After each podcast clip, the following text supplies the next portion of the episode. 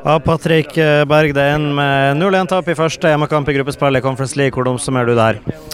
Nei, Litt sånn kjedelig, egentlig. For jeg føler at uh, mulighetene lå der hele veien. egentlig, Og vi ser tendenser til det når vi klarer å komme oss til de, til de store sjansene. Så, så, er det litt vår egen feil at vi ikke klarer det oftere. For jeg føler ikke det, føler ikke det er dem som er sånn supergode eller solide eller noen sånne ting. For, for vi vet at uh, hvis man dominerer det laget her, så, så kommer mulighetene. og det det følte jeg vi så tendenser til, men dessverre altfor lite.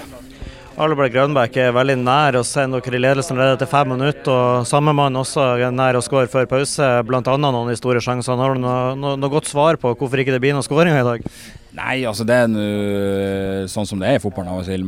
Av og til så, så skårer man uh, litt ut av intet, og av og til så bommer man på, på store sjanser. Så sånn er det. det. Akkurat om vi bommer eller skårer på store sjanser, det, det, er ikke så nøye for min del, egentlig. Altså det, det, er mer fokuset på hvordan vi skal komme oss til de store sjansene. Og jeg syns vi, uh, når man ser tilbake på det, at vi burde ha klart det oftere, med, med tanke på den strukturen de har i laget. og de er ikke veldig glad i å, å løpe mye etter ballen. Så hvis vi har vært litt mer tålmodige, litt smartere i vårt, eh, vårt eget angrepsspill, så tror jeg vi kunne ha straffa dem mye mer.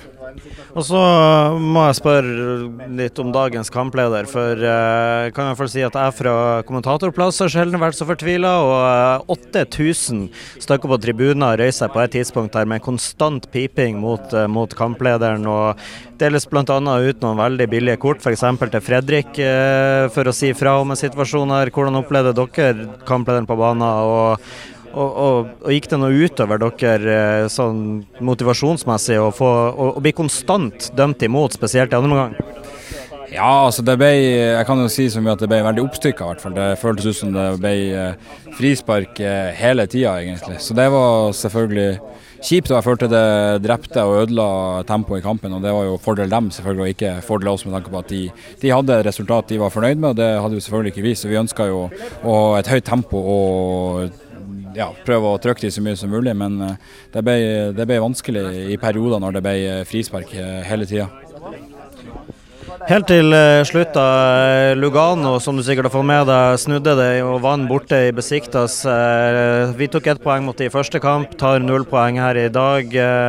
Hvordan ser du, ser du veien videre i dag? Du møter Besiktas to ganger, da. Hvor viktig blir det å få, få et godt resultat mot de i begge kampene, og, og hvordan, eh, hvordan, ser utsiktene videre i gruppa ut for dere?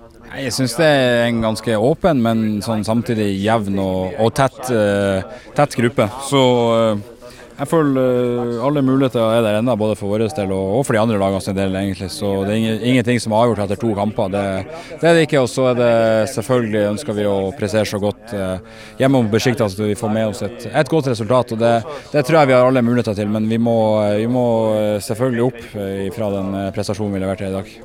Takk, Patrick.